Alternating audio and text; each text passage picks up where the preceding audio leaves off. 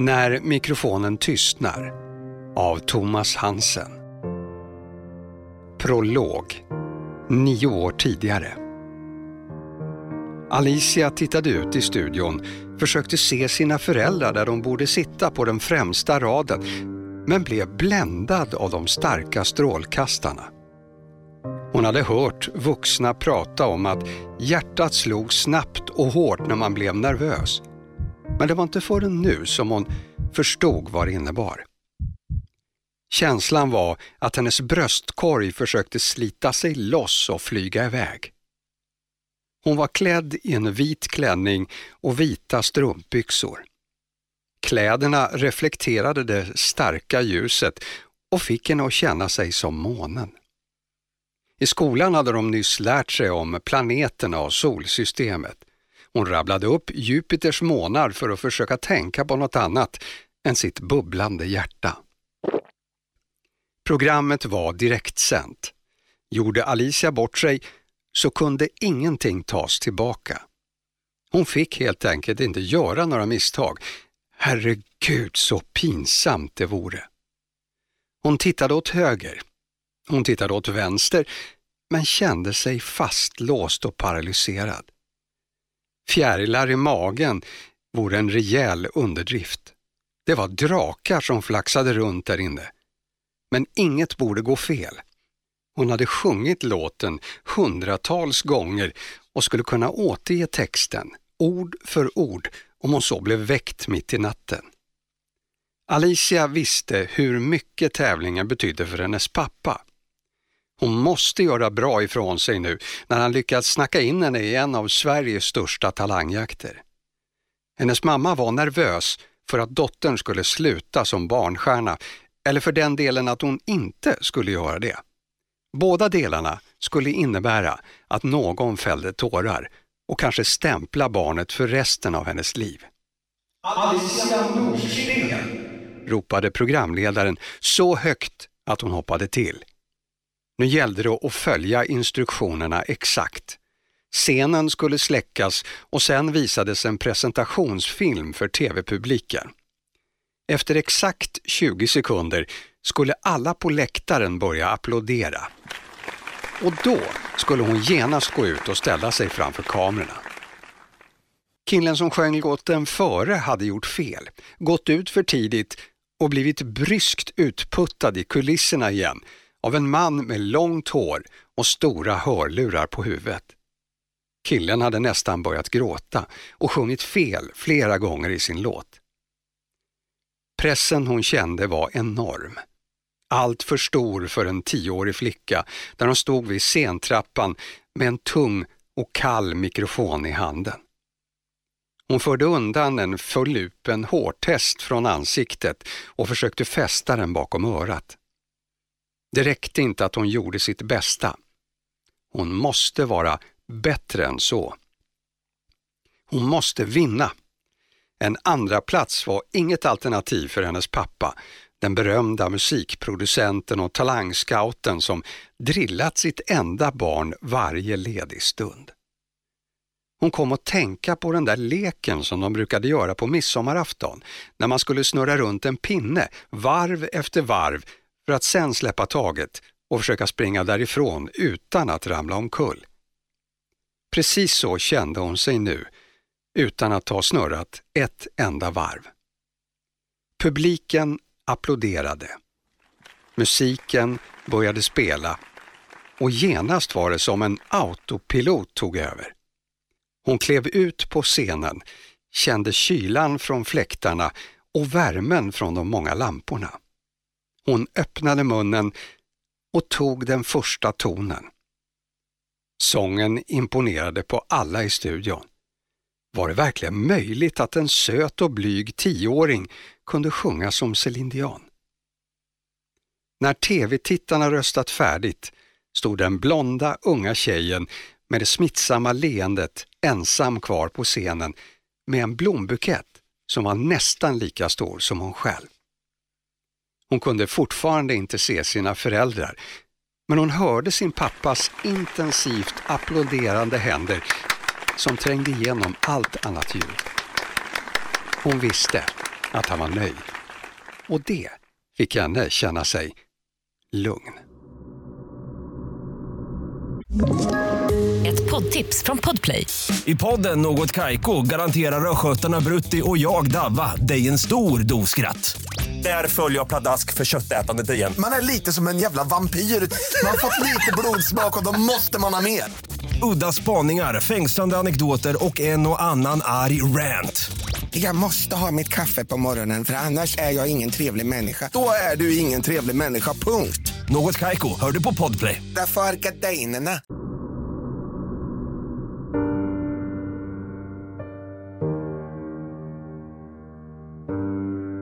Kapitel 1 Måndag 4 februari 1945 Robin rullade ett halvt varv, la sig på rygg i sängen och stirrade på en svart fläck i taket. Han sa ingenting, bara lät luften passera i en lång utandning. Alicia låg vid hans sida, också hon utan kläder. Hon uppfattade pojkvännens läte som ett stön av nöjdhet och förstod precis vad det betydde. Hon vred på huvudet, förde undan håret som ramlat ner framför ögonen och tittade åt hans håll. Vad? undrade hon och försökte låta upprörd som om han verkligen hade förnärmat henne med sitt monotona läte. Vad då? svarade han. Är det klart nu eller? Jag kom, jag kan inte mer. Hon tittade bort, kände de släckta förhoppningarna som en knut i magen. Hon la sig på sidan, tittade in i väggen på en kalender med juni månads bild uppe. Tre barn på en strand och en grön uppblåst drake. Det var julklappen Robin alltid hade fått av sin kusin, det gångna årets familjebilder. Ytterst främmande just nu. Det var sju minusgrader ute, början av februari. Pojkrummet var sparsamt möblerat, upplyst endast av en svag lampa som stod i fönstret. Ändå såg man hur fyllt av saker rummet var. Otvättade kläder hade samlats i högar. Sängkläderna kändes ofräscha och skrynkliga, hade förmodligen inte blivit bytta på länge. Det var ändå okej okay här i sovrummet, resten av lägenheten var som ett kaos. Hade han inte varit så sjukt snygg ordentligt vältränad med cool frisyr och ögon fyllda av energi, ja, då hade hon dumpat honom för ett halvår sedan. Ja, vid närmare eftertanke hade hon inte haft världens plan för en saga om framgång, kärlek och offentligt svek, så hade hon dumpat honom exakt just nu. Sexet de precis haft slog alla bottenrekord. Hon hade visserligen inte många att jämföra med. Han var hennes andra sexpartner, men det borde vara omöjligt för en snubbe att vara mer upptagen av sin egen kropp och njutning. Men nu fanns det en plan för Robin. Han skulle bli lika utnyttjad som hon kände sig. Hon tänkte att det var något som hon hade lärt sig av sin pappa, att vara beräknande. Ja, det var så man kunde komma någon vart, få som man ville, hur olustigt det än kunde kännas i bröstet. Jag går väl hem då, sa hon torrt. Vadå? Ska du inte sova här? Nej, jag ska på ett fotojobb imorgon bitti och jag måste åka med pappa. Han låg naken kvar i sängen, plockade upp sin telefon och startade en ny omgång av ett spel som han hade blivit totalt beroende av utan att säga något mer. Hon gick på toaletten. Det var tydligen ingen idé att hoppas på några gentlemannagester eller ens att få sin existens bekräftad. Pojkvännen låg kvar i sängen och verkade inte tänka på någon annan än sig själv. Hon satte på sig underkläder, grå och tajta träningsbyxor, en tröja och till sist jackan som definitivt var för tunn för årstiden. Med en blandning av frustration och träningslust nästan flög hon ner för stentrapporna. Väl nere på gatan så skakade hon ut håret så att det hängde ner över axlarna och tog några bestämda steg i riktning mot hemmet. Skorna var för små. Nästan ironiskt tänkte hon att även skorna räddades från dumpning genom att vara snygga. Tursamt nog var promenaden hem från Robin inte så lång. Inte geografiskt i alla fall. Däremot så var det en resa från en värld till en annan, som en ökenvandring över en hel kontinent. Det var betydligt finare och bekvämare i hennes hus, men hemma hos Robin fick de göra som de ville. Hans föräldrar lyste sedan länge oftast med sin frånvaro. Mamman hade tidigt fått smak på ett glättigare liv än det med blöjbyten. Hon föredrog nattliga fester och droger och övergav sin son innan han fyllt två. Pappan hade fått ta hjälp av äldre släktingar för att pussla ihop schemat tills Robin började skolan. Numera var fadern oftast ute på olika jobb, kunde vara borta ett par veckor åt gången. Kanon, tyckte Robin. Då brydde sig ingen det minsta om hur det gick för honom i skolan. Och inte han själv heller. Dagarna tillbringade han hellre i träningslokalen än med lärare som ifrågasatte allt han sa och skrev.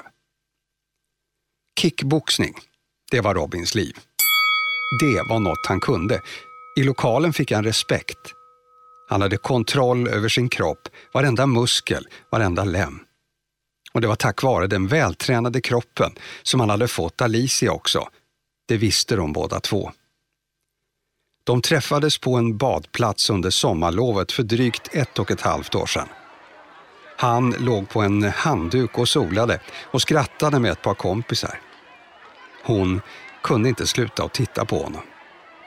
Hans mörka hår, breda leende, glittrande ögon och vältränade kropp uppfyllde alla de önskedrömmar som hon skrivit ner på en lista i sin dagbok några år tidigare. Även om de bara bodde några kilometer ifrån varandra så hade deras vägar aldrig korsats, då inget förenade deras världar. När sommaren var slut var de ett par. Alicia gick i musikklass på Rytmus i Nacka. Han gick på byggprogrammet i Kista och lärde sig ett hantverk. Hon jobbade hårt med att skaffa alla kontakter som hennes pappa sa att hon behövde. Robin behövde inga kontakter, förutom ett och annat grenuttag. Han skulle väl bli byggare. Ja, eller kroppsbyggare, så kunde man faktiskt också göra karriär, brukade Robin säga. Alicias uppväxt skilde sig dramatiskt från pojkvännens. Hon var verkligen pappas flicka. Dottern som kunde förverkliga drömmen som pappan alltid haft, att skapa en superstjärna. Det hände att Alicia undrade om han valt ut hennes mamma för att hon kunde sjunga. Att han redan då letade efter den perfekta genetiska kombinationen som han önskade för sitt barn.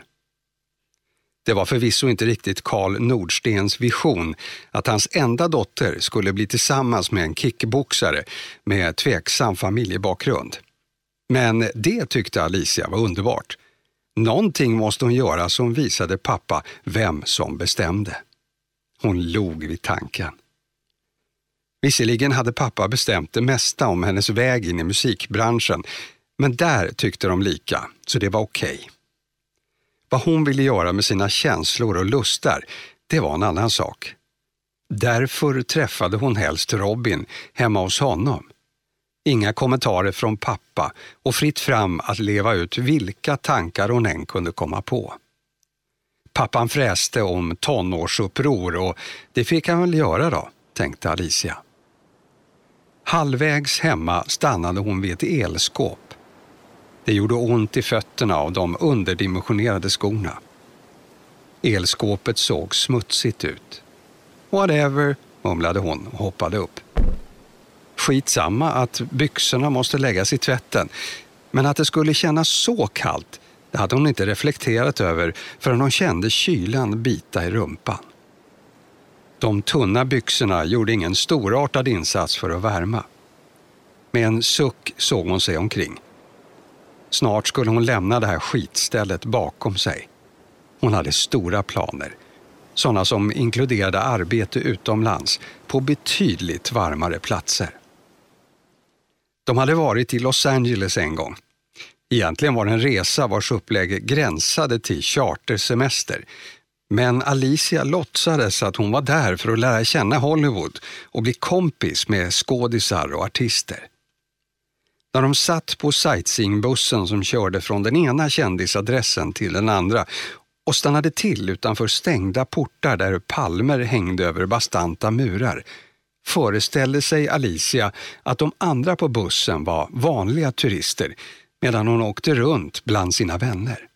Kalifornien och lyxhusen hade satt djupa spår i hennes tankar. Hon ville absolut tillbaka. Från ett fruset elskåp i en Stockholmsförort till stränder och surfingkillar och ett nytt leende spreds över hennes läppar. Pappa tyckte att festivalen var det snabbaste sättet att göra sig ett namn. Sveriges största musiktävling. Alla tittade och att få in Alicia där skulle absolut inte vara någon konst, påstod han.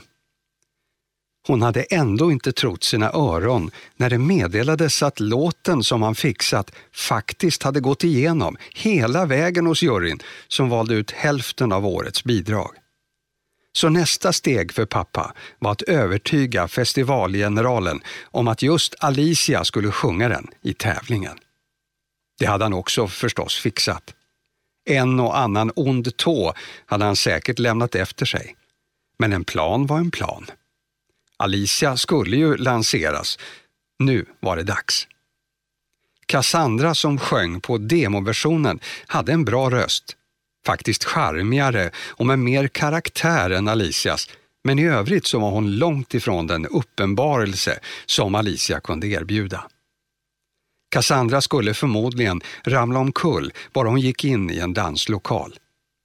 Det var bara för henne att tugga i sig hur verkligheten såg ut. Alicia var ju faktiskt den som kunde göra att låten skulle gå till final. Hon var det självklara valet.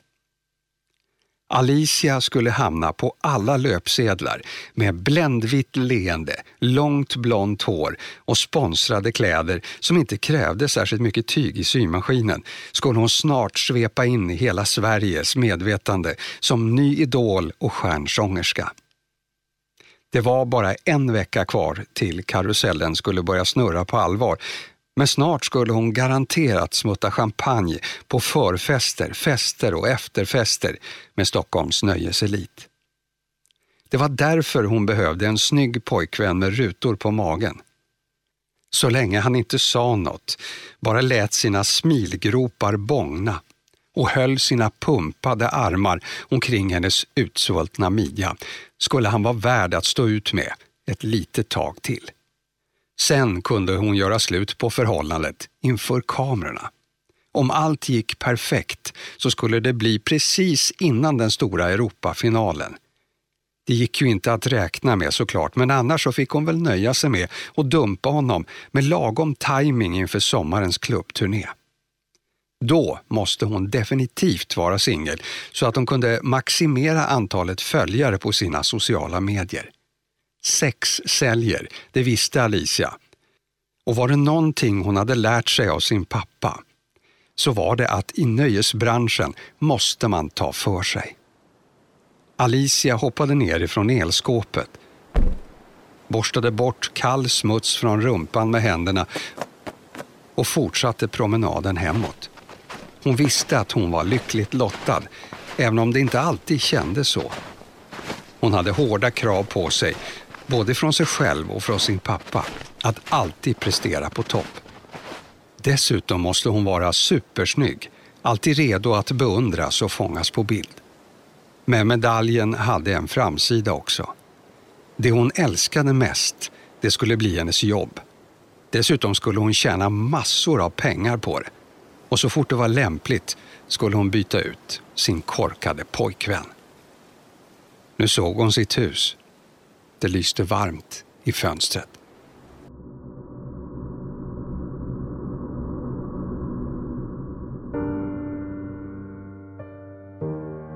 Kapitel 2 Torsdag den 7 februari 19.00 Att åka utomlands på vintern, det var den bästa idén någonsin. Att göra det ensam var visserligen inte något förstahandsval, Men det är inte helt enkelt att övertyga någon annan om att ta ut två veckors semester i slutet av januari, precis efter alla stora helger. Särskilt inte om man är en ensamvarg av rang och urvalet av vänner sålunda ytterst begränsat. Sandra Collin sträckte demonstrativt ut sina ben så långt att fötterna höll på att peta undan flytvästen för passageraren framför. Det märkte han inget av. Han hade fullt sjå med att försöka trycka in sin väska i ett redan fullt bagageutrymme. Sandra kunde inte låta bli att stirra på honom med en lätt nedlåtande blick. Om han bara hade vänt sig om så hade han sett att facket på andra sidan mittgången i princip var tomt. Måste man verkligen vara polis för att ha ögonen med sig? Medpassagerarna höll på att sätta sig till rätta i sina säten. Piloterna försökte kommunicera med kabinpersonalen. De bekanta plingen som hördes i högtalarna skulle förmedla någonting. Exakt vad visste inte Sandra, bara att om antalet pling var väldigt högt så var det fara på färde. Men allt verkade okej. Okay. Motorerna varvade upp och Sandra trycktes bakåt mot stolsryggen när planet satte fart längs startbanan. Hon kände det vanliga svindlande suget i magen just när hon lämnade marken. Tänkte att det säkert hade någonting att göra med hennes djupa kontrollbehov. Det var rakt igenom mänskligt att bli nervös när man plötsligt kastades upp mot himlen. Samtidigt kittlade det i henne när kroppen bröt mot naturens lagar. Åka berg och dalbana var definitivt inget som intresserade henne men just i det här sammanhanget fick hon på ett civiliserat och moget sätt göra uppror mot tyngdlagen. Och den kombinationen passade henne bra. Sandra var placerad vid en av nödutgångarna och slapp för ovanlighetens skull sitta snett för att lyckas knöka in benen. Varje centimeter betyder mycket när man mäter 185 i strumplästen. Det här var guld. Sandra hade god lust att sparka av sig skorna också men befarade att odören skulle få kaptenen att nödlanda. Hon nöjde sig med att släppa ut håret ur tofsen. Det var inte särskilt bekvämt att ha en hård knut i bakhuvudet när man lutade sig bakåt i sätet. Hösten hade varit lång, men vintern kändes kortare. Det var definitivt tack vare att hon bestämde sig för att boka den här resan. Hon hade fått ägna större delen av julhelgens umgänge åt att rättfärdiga sitt beslut att åka till en badort när det blev vinter där och till råga på allt ensam. På juldagens kväll blev som tur var någon ihjälstucken på en julfest i Råcksta. På grund av den dödades val av kompisar misstänkte Västerortspolisen att brottet hade fler dimensioner än det familjebråk det först framstod som. Och en jourutnämnd kollega på det som internt kallades mordet fattade beslutet att ringa till henne.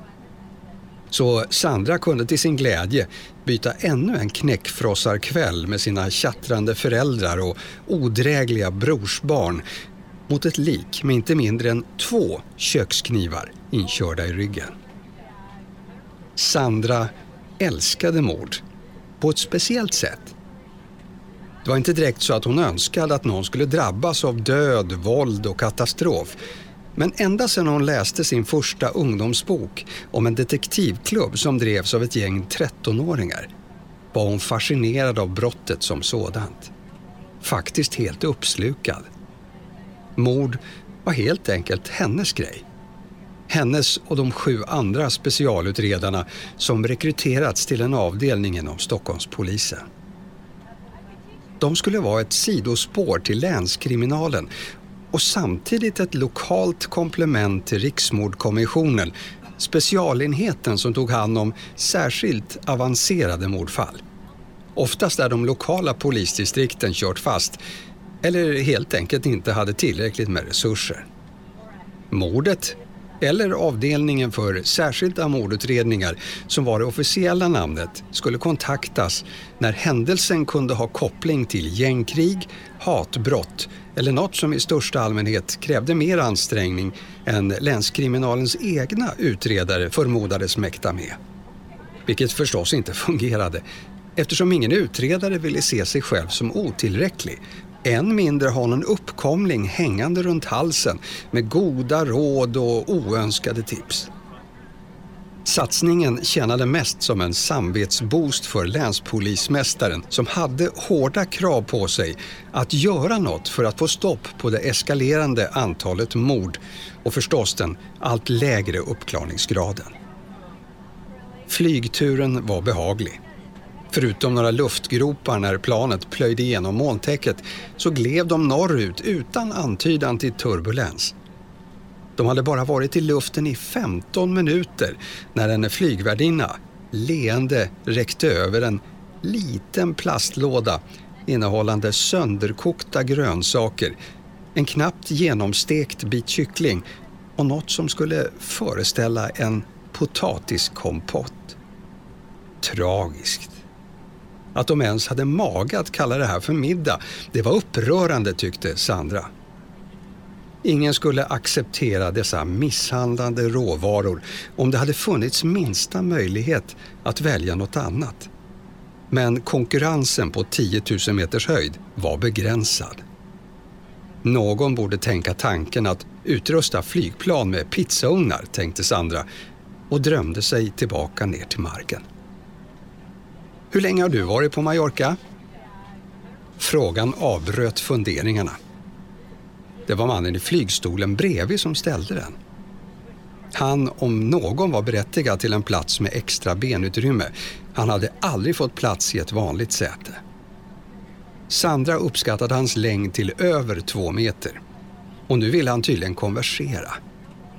Det var inte lätt för honom att veta att Sandra helst ville vara i fred på ett flygplan och för den delen i andra fordon också. Han måste ha utgått från att hon var svensk eftersom planet skulle till Stockholm och Sandra ärligt talat var arketypen för en svensk kvinna med långt mellanblont hår och blå ögon. Två veckor. Du då? Sen oktober nu. Jag har en lägenhet utanför Palma och ett hus i Norrtälje. Jaha, han ville tydligen förvandla flygningen till ett kafferep, tänkte Sandra med avsmak. Livets goda dagar som pensionär, eller? frågade hon. Lagom trevligt. Han svarade, ja, det kan man ju säga. Nu ska jag hem och träffa barnbarnen. Det äldsta Hugo fyller tonåring och då måste man ju komma. Det tycker nog inte Hugo, tänkte Sandra. Nyblivna tonåringars favoritsällskap är sällan föräldrar eller äldre släktingar. Men kanske kommer farfar eller morfar med en rejäl laddning sedlar som present och då är han säkert välkommen. Det borde hon nog inte säga. Det vore förmodligen otrevligt. Sandra kände visserligen sällan på sig vad som var lämpligt eller olämpligt i sociala sammanhang men hon hade lärt sig av sina misstag.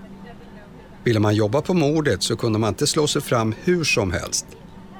Förmåga att samarbeta utan att trampa de lokala kollegorna på tårna, det var en nödvändig egenskap för att kunna göra nytta på avdelningen. De försökte när det var möjligt att få jobba i par och det var åtminstone ett steg i rätt riktning. Det skulle sannolikt öka deras möjligheter att faktiskt lösa fallen och avdelningen skulle därmed vara en legitim satsning även efter nästa besparingsrunda.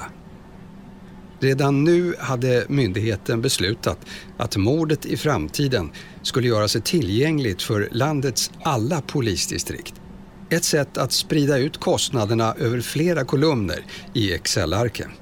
Vilket på pappret faktiskt redan var genomfört fast ingen hade tänkt på att informera avdelningen i fråga om saken. Sandra blev på gott humör när hon tänkte på att hon snart skulle få gå till jobbet igen. Hon funderade på knivmordet i Råcksta som hon hade lämnat i olöst skick när hon packade vårkläderna och tog flygbussen till Arlanda för 14 härliga dagar på Mallorca. Hon hade till och med förvånat sig själv genom att tänka på andra saker än kriminalitet. Palma hade välkomnat henne med lågsäsong och turisthorderna hade lyst med sin frånvaro. Utomhuspoolen hade varit stängd och infödingarna hade gått runt i sina vinterjackor. Sandra hade valt att strosa omkring på gatorna, kisa mot solreflektionerna i havet, äta på härligt folktomma restauranger, oftast pizza, och njuta mer än hon gjort på mycket länge. Ensamhet störde henne inte. Tvärtom upplevde hon det ganska skönt att inte behöva ta hänsyn till någon annan. Som nybliven 36-åring kände hon sig extremt långt ifrån den vilsna 20-åring som sökte till Polishögskolan på vinst och förlust. Hon kom in på första försöket och hamnade i den första klass som antogs till den nya polisutbildningen på universitetet i Växjö. Det hade varit en stor omställning för den unga Sandra att flytta ifrån familjen och tryggheten i Farsta. Du, viskade plötsligt mannen i stolen bredvid. Han lutade sig mot Sandra nästan obehagligt nära. Hon kände hans andedräkt tyvärr. Det var en sötsliskig doft som trängde in i hennes näsborrar. Ja, vill du inte ha din efterrätt? Sandra tittade ner på den lilla kakan. Någon sorts chokladhistoria i fyrkantigt format. Den såg inte särskilt lockande ut. Nej, du, du kan få den om du vill. Tack gärna, sa han, skickade snabbt fram handen och norpade åt sig den inplastade kakan innan Sandra hann reagera. Men var det verkligen okej okay att göra så? Hon hade ju inte ens ätit upp när han stoppade fingrarna i hennes matlåda. Att hantera alla sorters människor ingick i en av kurserna på polisskolan. Sandra var inte bäst i klassen, särskilt inte just den kursen, men hon var en duktig och engagerad elev och hon skulle bli en uppskattad kollega när hon återvände till Stockholm och söderortspolisen. Hon ägnade några år att dra upp pundare ur källartillhåll. Lära sig att avgöra på ett ögonblick vilka i nattklubbskön som hade drogat. Meddela tonårsföräldrar att deras barn inte längre levde. Spärra av brottsplatser. Ja, hon gjorde kort sagt det skitiga jobb som det innebär att vara polis. Efter åtta år på Stockholms gator orkade hon inte mer. Kollegor började prata om att sluta. Många sökte sig till privata bevakningsföretag. Andra sadlade om helt. Sandra ville inte lägga ner. Hon ville tvärt sätta dit de riktigt fula fiskarna och rensa upp i något av alla de träsk som huvudstadens invånare plaskade runt i. Ska man göra något så gör man det ordentligt, eller inte alls. Det var Sandras idé om livet i allmänhet. Just när planet skakade till av lätt turbulens kom en ny fråga från sätet intill. Vad gör en ung brud som du då? Ung brud? Vad menade gubben nu? Det var möjligt att han tillhörde en äldre generation. Eller inte bara möjligt utan tämligen säkert. Men man behöver inte bete sig som en nedlåtande gammal stofil för det. Pratar du med mig? Ja, det är klart, skrattade han. Ja, du vet, till min ålder så får man passa på. Passa på vad då? Ja, att prata med de unga och vackra. Den sötsliskiga andedräkten gjorde sig påmind igen. Och nu såg hon dessutom att han hade en bit av chokladkakan kvar på underläppen. Du, jag är inte en ung brud och inte så intresserad av att veta vad du tänker om mitt utseende heller. Han slickade sig runt munnen, kanske på grund av kaksmulan. Men det var ändå inte helt säkert. Oj då, en öm tå. Det var inte min mening att vara framfusig. Jag ville bara konversera lite. Sandras irritation växte. Både över att bli avbruten i den så kallade middagen och över att maten i fråga var extremt undermålig jämfört med hederlig pizza. Hon hade god lust att lämna den tillfälliga restaurangen men den lätta turbulensen och motorernas eviga dån påminde tydligt om det olämpliga i att kliva ut genom dörren. Och inte blev det bättre av att gubbjäveln bredvid försökte göra en poäng av hennes utseende. Det ville hon definitivt sätta stopp för. Vill du konversera? Då får du hitta på något annat att prata om än hur jag ser ut. Mannen suckade demonstrativt. Lyfte upp instruktionsbladet för utrymning av flygplanet vid nödlandning och lutade sig bakåt för att till synes ointresserad studera dokumentet. Sandra funderade vidare på vardagen som hon snart skulle vara tillbaka i. Hjärnan målade upp en inre bild av kontoret och den fryntlige Roger Olsson som hade blivit Sandras chef när hon började på mordet. De var nära vänner sedan tidigare. I Sandras första placering som ny polis så var han den erfarna kollegan som tog sig an henne. De åkte tillsammans i ett år i det som av äldre människor brukar kallas radiobil. Han gick igenom en skilsmässa. Hon var en fantastisk lyssnare. Så tyckte de båda. Roger visste bättre än någon annan vad som drev Sandra framåt. Var det något som behövdes på mordet så var det envishet, nyfikenhet, skarpa hjärnor och total oförmåga att acceptera ett nederlag. På alla punkter var Sandra det bästa exempel som gick att finna på det. Planet skulle landa vid 23.30 på torsdagskvällen. Fredag morgon klockan åtta tänkte Sandra stiga in genom glasdörren på mordet. Hon räknade inte med att fortsätta jobba med två knivar i ryggen-fallet till Rocksta. Men vad som än skulle landa på hennes bord så skulle det säkert bli spännande. På mordet fanns inga ointressanta fall. Sandra älskade sitt jobb.